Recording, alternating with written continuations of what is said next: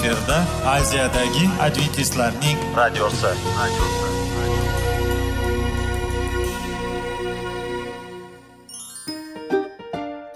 Assalomu alaykum radio tinglovchimiz. Dasturimizga xush kelibsiz va bizni tinglayotganingizga sizdan judayam minnatdormiz.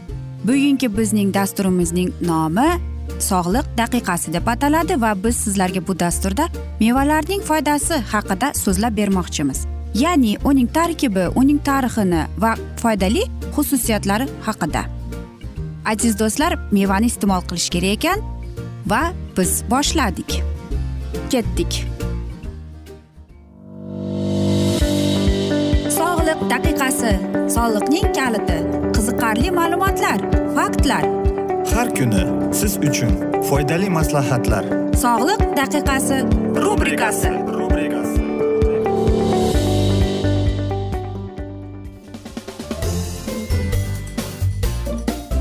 assalomu alaykum aziz radio tinglovchilar. Dasturimizga xush kelibsiz va biz sizlar bilan tana va sog'liq degan dasturda xushvaqt bo'ling deb aytamiz.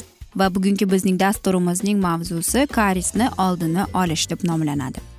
Albatta hammaning ham savoli darrov tug'iladi. Karies nima o'zi yoki qayerdan kelib chiqadi deb yoki ko'pchilik aytadiki bu karies shunchaki bir e, qo'rqinchli bir narsaki bolalarni qo'rqitadigan bir ertak deb. Ammo lekin aslida esa bu tish kariesi judayam qo'rqinchli narsa. Bu ayniqsa tishingizda teshik paydo bo'lgan bo'lsa kavak deyishadi. Mana shu narsani buni karis deb aytadi. Ammo lekin bilasizmi siz uzoq vaqt mana shu karisni davolamasangiz uzoq vaqtning ichida nima bo'lib ketadi? Karies ham xuddi shamollash kabi ham eng e, yuqori darajadagi kasallik aytadi. Bu avj olgan lekin aytamanki darrov bizning e, mana shunday so'zimizni eshitib tushkunlikka tushib qolmang. Bugun biz sizlarga qanday qilib kariesni oldini olish haqida suhbat qilamiz. Ya'ni birozgina maslahatlar berib o'tamiz demoqchiman. Va biz o'tgan galgi dasturimizda sizlarga aytib o'tganimizdek bizning og'iz bo'shlig'imizning e, umuman bakteriyalarga to'la bo'lar ekan. Ayniqsa bizning tishimizda eng ko'p e, infeksiya bakteriyalar tishlarimizda tilimizda og'iz bo'shlig'imizda yashaydi ekan. Albatta ba'zi bir bakteriyalarning bizga foydasi bor ammo lekin ko'pchiligi bizga zararli hisoblanar ekan. Va mana shu narsaning o'zi mana shu bakteriyalar tishimizdagi bo'lgan kariesga olib ketadi. Va bizning uh, kun bo'yi biz ovqat yeymiz uh, suv ichamiz. Og'zimizda haqiqiy jang bo'ladi. Ya'ni bir tomondan bizning tishimizda aytaylik kasal bo'ladi va u bir yopishqoq uh, plyonkaga o'xshaydigan narsa paydo bo'lib qoladi. Ikkinchisida esa bu albatta bizdagi bizning e, mod tupurgimizda bo'lgan tupurgichimiz. Ya'ni bunda bizning tupurgichimizda kalsiy va fosfat bor ekan. Va mana shuning tish yuvganimizda bizda tishdagi bo'lgan ftor e, bor tishimizni tozalab va mana shunday narsalarni ya'ni e, birinchi bakteriyalarni yo'qotib tashlaydi ekan. Shuning uchun ham kundan kun bizning og'zimizdagi bo'lgan janglarga e, bizning tishimizga juda ko'p zarar yetkazib keladi. Shuning uchun ham agar oq tishingizda oq dog' paydo bo'lgan bo'lsa demak sizda karies paydo bo'lgan bo'lyapti. Shuning uchun ham vaqtida doktorga borishning o'zi kerak bo'ladi ya'ni tish doktoriga deb. Qanday qilib bizni aytasizki qanday bizning tishimizda mana shunday bakteriyalar paydo bo'ladi deb yoki qanday qilib ular bizning og'iz bo'shlig'imizdagi balansimizni o'zgartirib keladi? Buning sababi oddiy. Masalan kechqurun ovqat yeb biz tishimizni yuvmadik va e, ovqatning qoldiqlari mana shu bakteriyalarning tug'ilishiga sabab bo'lib qoladi. Masalan e, sigaret cheksangiz yoki boshqa narsalarni iste'mol qilib turib og'iz chayqamasangiz antiseptik narsalar bilan foydalanmasangiz bakteriyalar boshlanib va bizda karies paydo bo'ladi. Qanday qilib biz kariesni oldini olishimiz mumkin? Birinchidan tishimizni doimo yuvib turishimiz kerak. Ya'ni bir kunda ikki mahal ovqatdan so'ng. Va tish cho'tkalaringizni ham uch oyda bir almashtirib turishingiz kerak. Ikkinchidan siz tish ipidan foydalanishingiz kerak. Chunki u e, tishingizni orasida qolib ketgan ovqatlarni olib tashlaydi. Uchinchisidan bu ftor profilaktika. Chunki ftor eng kimyoviy usullardan kuchli kimyoviy usullardan hisoblanadi va u karisni oldini oladi va uni yana rivojlanishiga olib kelmaydi. Ftor umuman olib qaraganda bizning tishimizni himoya qiladi. Shuning uchun ham siz e, zubni pastani olayotganingizda ftorli zubni pasta olishingiz kerak bo'ladi. E, va eng yaxshisiki bu ellik foizi biz ovqat yeydiganlarimizni ya'ni ularda ham ftor bo'lib turadi. Ammo lekin siz aytaylik Э, shirin э, suv ichsangiz kola va boshqa narsalarni iste'mol qilsangiz unda siz mana shu narsalardan voz kechishingiz kerak bo'lib qoladi. Va eng oxirgi bizning sizga bo'lgan maslahatimiz e, doimo tish doktoriga borib turing. Chunki karisni oldini olish uchun faqatgina doktor sizga aytishimiz e, mumkin. Agar sizda karis paydo bo'lgan bo'lsa u sizga germetik bilan mana shu tishingizni himoyalab va o'z mana shu teshikni yopib qo'yar ekan.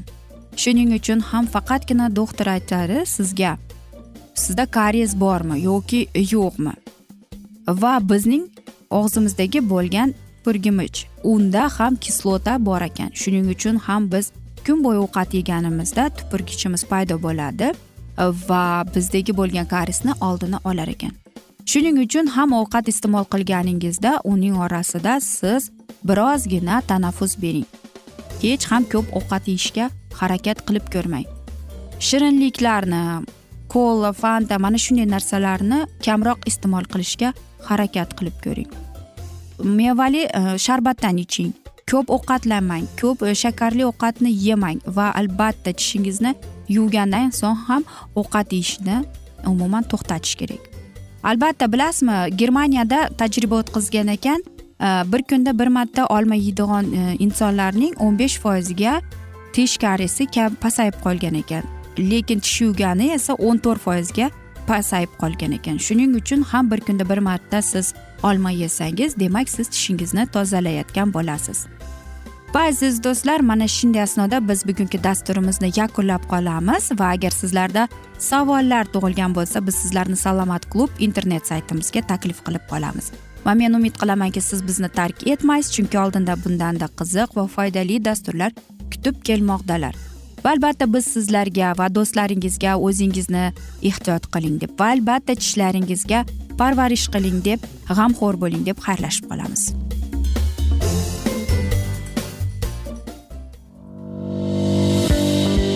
Sog'liq daqiqasi. Soliqning kaliti. Qiziqarli ma'lumotlar faktlar. Har kuni siz uchun foydali maslahatlar. Sog'liq daqiqasi rubrikasi.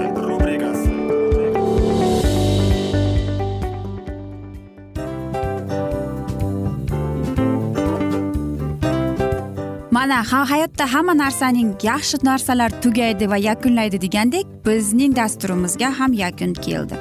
O'ylaymanki bizning dasturimiz sizga foydali bo'ldi deb aziz radio tinglovchimiz. Va siz o'zingiz uchun kerakli xulosalar kerakli maslahatlar olib oldingiz. Aziz radio tinglovchimiz biz bilan qoling va keyingi dasturlarimiz albatta undanda qiziqroq bo'ladi. Mana shu alfozda sizlar bilan xayrlashib qolaman.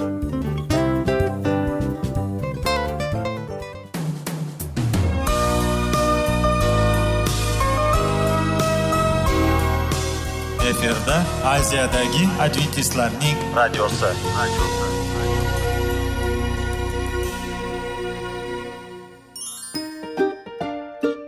assalomu alaykum aziz radio tinglovchilar. Dasturimizga xush kelibsiz. Va sizlarni bugun biz munosabatlar haqida sizlar bilan suhbat qurmoqchimiz. Ya'ni ikki sevishganlar to'g'risida yoki er xotinning o'rtasida bo'lgan munosabatlar haqida. Masalan yigit qizni qanday sevish kerak? Er xotinni qanday sevish kerak? Xotin erini qanday sevish kerak? Qanday munosabatda bo'lish kerak ular bir biriga mana shunday haqida bizning mavzuyimiz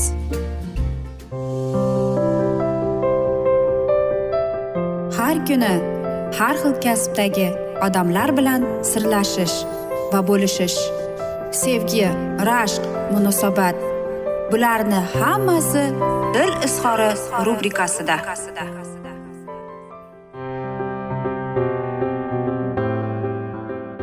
Assalomu alaykum aziz radio tinglovchilar. Dasturimizga xush kelibsiz. Va biz sizlar bilan erkaklar marsdan ayollar veneradan degan dasturda xushvaqt bo'ling deb aytamiz.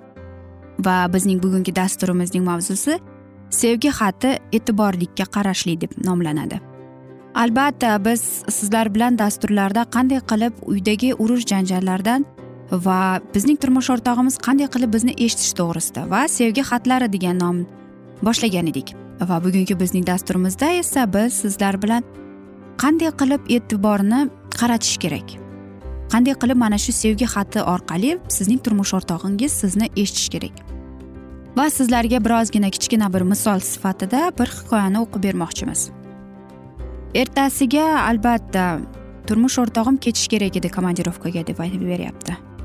Chunki kechqurun uning ayoli aytgan u shunday e, ajoyib va chiroyli kechqurun e, uyga kelsa go'zal chiroyli kiyinib chiroyli ovqatlar va mana shunday bir romantik holatda ayoli kutib o'tirgandi. Va oxir oqibat e, uning turmush o'rtog'i esa kitob o'qish bilan va u bir narsani payqab qoldiki u albatta och emas ekan. Uning ayoli xafa bo'lib ketib qoldi. Ammo lekin qarangki uni nima xafa qildi? Uning turmush o'rtog'i unga bee'tibor bo'lganini. Ammo lekin u ayol kishi unga aytmadi. Unga shunchaki sevgi xatini yozdi. Ayol kishi yozishni bitirib va o'zida bor kuchini uni kechirish kuchini his qildi. Va u yotoqxonaga qaytib kelib turmush o'rtog'iga shunday dedi. Sen ertaga ketyapsan va bu bizning oxirgi kechamiz deydi kel ikkalamiz buni ajoyib tarzda o'tkazaylik dedi. Va albatta uning turmush o'rtog'i kitobini bir chetga olib turib va ular vaqtini judayam ajoyib o'tkazishdi. Xatni yozib ayoli o'zidagi bor narsani aytaylik bir narsani his etdi. Ya'ni u mana shu talabchanligini lekin unga hattoki eriga bermaslikka ham ahd qildi xatni. Keyin u o'zi o'qib chiqdi. U shunday deb yozgan ekan. Azizim bilasanmi men sendan g'azabdaman deb. Men seni kutdim bugun va men senga ajoyib kecha bo'ladi deb aytgan edim. Ammo lekin meni deydi g'azab qolgan narsa bilasanmi nima sen doim mana shu o'tirib kitobingni o'qiding. Men juda achchiqlanaman sen menga e'tibor bermasang deydi. Men sendan xafa bo'laman agar sen men bilan vaqtni o'tkazishni xohlamasang dedi va albatta u aytgan. Men his etishim kerak sen meni sevishingni deb. Albatta ikkinchisida u aytganki men afsusdaman sen men bilan vaqtingni o'tkazishni xohlamayapsan deb. Men afsusdaman sen judayam ko'p ishlayapsan deb. Bilasanmi ba'zida men o'ylab qolaman agar men yo'q bo'lib qolsam sen umuman meni yo'qligimni ham payqamay qolasan deb. Men achchiqda va afsusda aytaman sen doimo bandsan deb. Va bu meni judayam xafa qiladi deb. Bilasanmi gohida men o'ylanib qolaman men sen uchun hech narsa emasman deb. Uchinchisi esa bu albatta qo'rqinch. Men bilasanmi deydi qo'rqaman.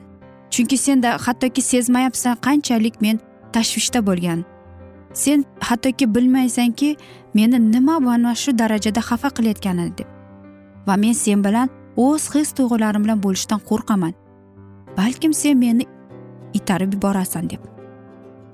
Va bilasanmi men bir xayoldan dahshatga tushaman. Men bu narsa bilan hech narsa qilmayman deb. Va men qo'rqaman men senga umuman yoqmayman deb. Va oxirida aytadiki bilasanmi men sen bilan bo'lishni xohlayman. Ammo lekin sen mana shu mahalda menga befarq bo'lib qolasan. Va bilasanmi meni kechir. Agar men senga judayam aytaylik noo'rin o'zimni xulq atrofim qilsam. Men afsusdaman mening senga bo'lgan ajoyib his tuyg'ularim kamlik qilyapti.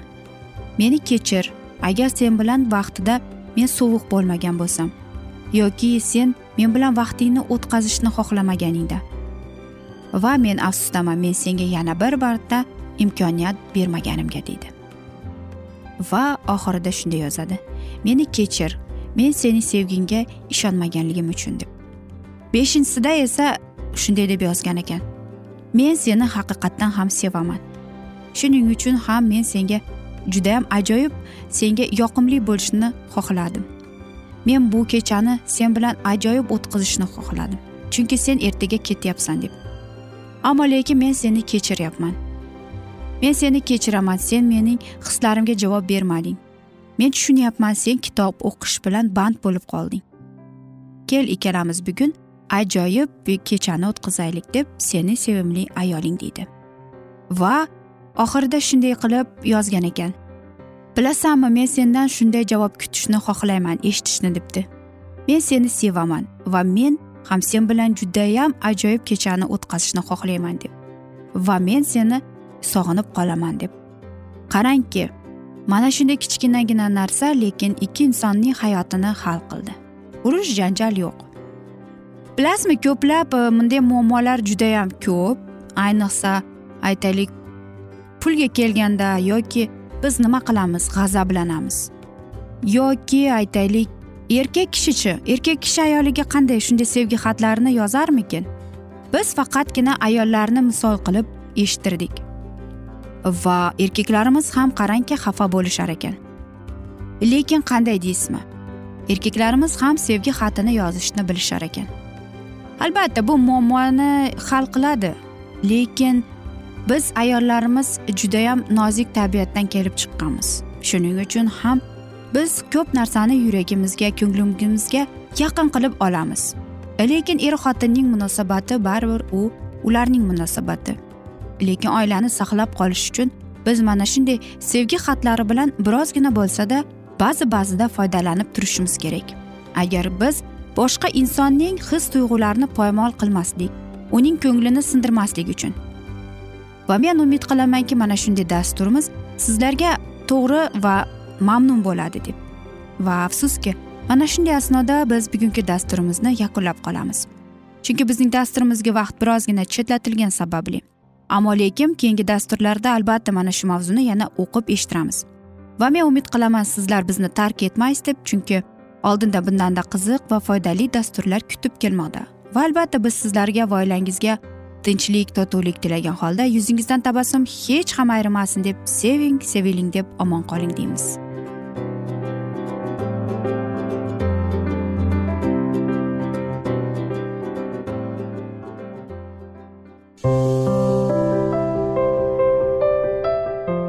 Kuni har xil kasbdagi odamlar bilan sirlashish va bo'lishish sevgi rashq munosabat bularni hammasi dil izhori rubrikasida. Mana aziz radio tinglovchimiz bizning go'zal va foydali va chiroyli dasturimiz yakunlanib bormoqda. Sizlarga birozgina maslahat berib o'tmoqchi edik. Bir biringizni seving. Qadringizga yeting. Va erkalang albatta bir biringizni va sizga judayam chiroyli va mustahkam munosabatlar tilab qolamiz albatta. Sevgilingiz doimo yoningizda bo'lsin. Mana shu borada sizlar bilan xayrlashib qolamiz. Xayr.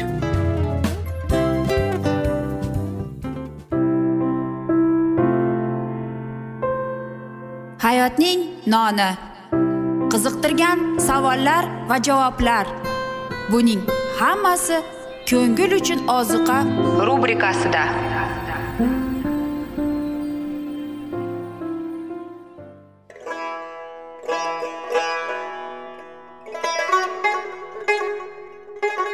Assalomu alaykum aziz va qadrdon radio tinglovchimiz.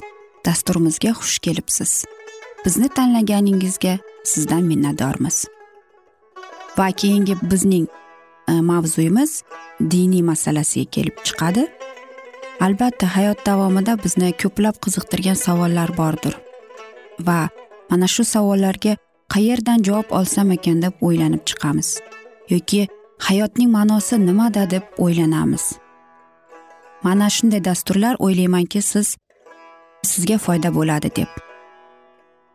Aziz do'stlar e, bugungi bizning mavzuyimizning nomi vahiy kitobning ochilishi.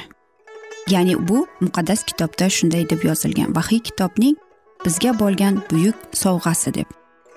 Albatta mana shunday kitobni eshitib quloq solib e'tiborli bo'lsak biz o'zimizning qiziqtirgan hayotning ma'nosini tushuntirgan bizni kelajakda nima kutayotganini mana shu kitobdan bilib olamiz albatta. Va xudoyim bizga qanday rejalar ochgan bizga qanday kelajak kutayotganini aynan mana shu kitobda yozilgan va bizga mana shu kitob orqali xudoyim bizga aytib bergan. Keling aziz do'stlar mana shu kitobni e'tiborli va yaxshilab quloq solib va chuqurroq nazar solaylik shu muqaddas kitobga. Assalomu alaykum aziz radio tinglovchilar dasturimizga xush kelibsiz va biz sizlar bilan ulug' kurash degan kitobni o'qib eshittirayotgan edik. Va bizning bugungi dasturimizning mavzusi umid darakchisi deb nomlanadi va biz sizlar bilan o'tgan galgi mavzuni yana o'qib eshittiramiz. Shuni bilib qo'yingki qudusni tiklash uchun amr berilgandan to xudo yog' qo'yib tanlagan yo'lboshchi kelgunga qadar yetti karra yetti yil o'tadi. Oltmish ikki karra yetti yil mobaynida qudus shahri uning yo'llari va mudofaa inshootlari tiklanadi ammo bu mashaqqatli davrlarda sodir bo'ladi. Oltmish ikki karra yetti yil o'tgach xudo tanlagan yo'lboshchi o'ldiriladi. U erishgan hamma narsa barbod bo'ladi. Qo'shin tortib kelgan ajnabiy bir hukmdor shaharga kuchli selday yopirilib shaharni hamda mabadni barbod qiladi. O'sha hukmdor ko'p xalqlar bilan bir karra yetti yilgacha kuchli bir bitim tuzadi. O'sha vaqtning yarmi o'tgach qurbonlik va nazrlarga chek qo'yiladi. Farishta doniyorning oldiga u ko'rgan va tushunmagan vahiyni tushuntirgani kelgandi. Jumladan vaqt davrini tasvirlovchi so'zlari. Ikki ming uch yuz kechayu kunduz. Ana shu so'zlardan keyin doniyorga yana farishta aytadi. Gaplarimga quloq sol so'zlarimning ma'nosini tushungin deb amr berib dedi. Yetti karra yil yetdi. Bu sening xalqing va muqaddas shahring uchun belgilangan. Bu yerda belgilangan deb tajrima e, tarjima qilingan so'z aslida ajratilgan ma'nosini bildiradi. Yetmish karra yetti yoki to'rt yuz to'qson yil aynan yahudiylar uchun ajratilgan edi biroq ular nimadan ajratilgan? Ikki ming uch yuz kun sakkizinchi bobida eslab o'tilgan yagona vaqt davri hisoblanganligi uchun demak yetmish hafta ikki ming uch yuz kundan ajratilgan bu ikki vaqt qismi bir vaqtda boshlanishi kerak edi. Farishtaning tushuntirishi bo'yicha bu yetmish hafta qudusni tiklash haqidagi farmon chiqqan kundan boshlangan. Agar bu farmonning chiqqan sanasini aniqlab olishning imkoni bo'lganda edi bu holda ikki ming uch yuz kunning buyuk davri nuqtasini topib olish aslo qiyin bo'lmas edi. Ezra kitobning yettinchi bobida ushbu farmon haqida aytiladi. Bilondan oldingi to'rt yuz ellik yettinchi yilda fors shohi artax shaxs tomonidan bu farmonning eng so'nggi ko'rinishi e'lon qilingan. Biroq ezra kitobida xudoning uyi yahudiy oqsoqollar isroil xalqining xudosi amriga hamda fors shohlari kurush doro va aqsh shaxsning farmonlariga ko'ra qurilish tamomlanganligi haqida aytilgan. Uchta shoh birgalikda to bashorat qilgandek ikki ming uch yuz kunni tantanali ravishda kutib olish maqsadida bu farmonni buzdilar to'g'irladilar va mukammallashtirib to'ldirdilar. Farmonning so'nggi ko'rinishi e'lon qilingan sana milodgacha to'rt yuz ellik yilni sanoq boshi sifatida asos qilib oladigan bo'lsak demak yetmish karra yetti haqidagi karomatning qanday amalga oshganini batafsil ko'rib chiqishga aslo qiynalmaymiz. Qudusni tiklash haqidagi farmon chiqqan vaqtdan boshlab to masih hukmronligining yetti karra yetti va oltmish ikki karra yetti demak oltmish to'qqiz hafta yoki to'rt yuz sakson uchinchi yil. Artashaxsning farmoni milodgacha to'rt yuz ellik yetti yilning ko'zida kuchga kirdi. Shu paytdan boshlab to'rt yuz sakson uchinchi yilni sanab ajratsak e, biz milondan keyin yigirma yetti yilning ko'ziga ega bo'lamiz. Mana shunda bu karomat amalga oshadi. Masih so'zining asl ma'nosi yog' surtilgan demakdir. Yigirma yetti yilning ko'zida isoni yaho urtda davra dayrosida cho'mindirdi va muqaddas ruh unga moy surtdi.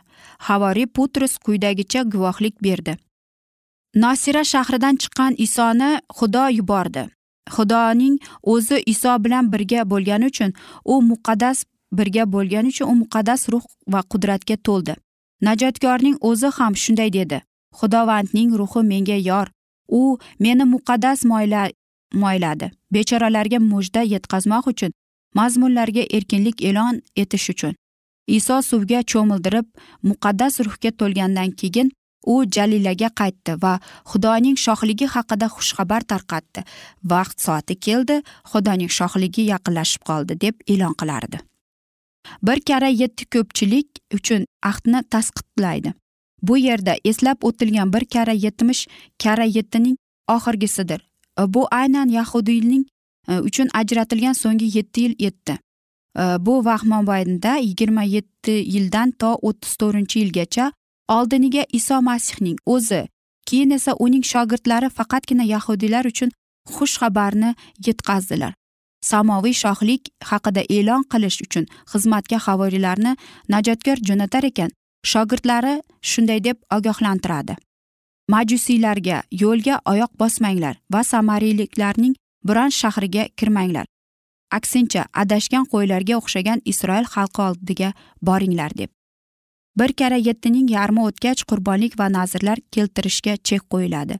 Suvga cho'mildirganlardan keyin uch yarim yil o'tgach ya'ni o'ttiz birinchi yili rabiy hojga tortildi. Golgota ushbu buyuk qurbonlik keltirish bilan to'rt ming yil mobaynida xudoning qo'zisini anglab anglatib turuvchi qurbonliklar keltirish jarayoni ham yakun topdi. Hojda timsol va haqiqat uchrashadi. Aynan shu yerda barcha qurbonliklar o'z mavjudligini tugatishi va marosimi nazarlarni keltirish uchun yakun topishi kerak edi. Aziz do'stlar mana shu asnoda biz bugungi dasturimizni afsuski yakunlab qolamiz chunki bizning dasturimizga vaqt birozgina chetlatilgani sababli. Ammo lekin keyingi dasturlarda albatta va biz mana shu mavzuni yana o'qib eshittiramiz va sizlarda savollar tug'ilgan bo'lsa biz sizlarni alkitab media internet saytimizga taklif qilib qolamiz. Va albatta biz sizlarga va yaqinlaringizga tinchlik totuvlik tilagan holda o'zingizni ehtiyot qiling deb xayrlashib qolamiz.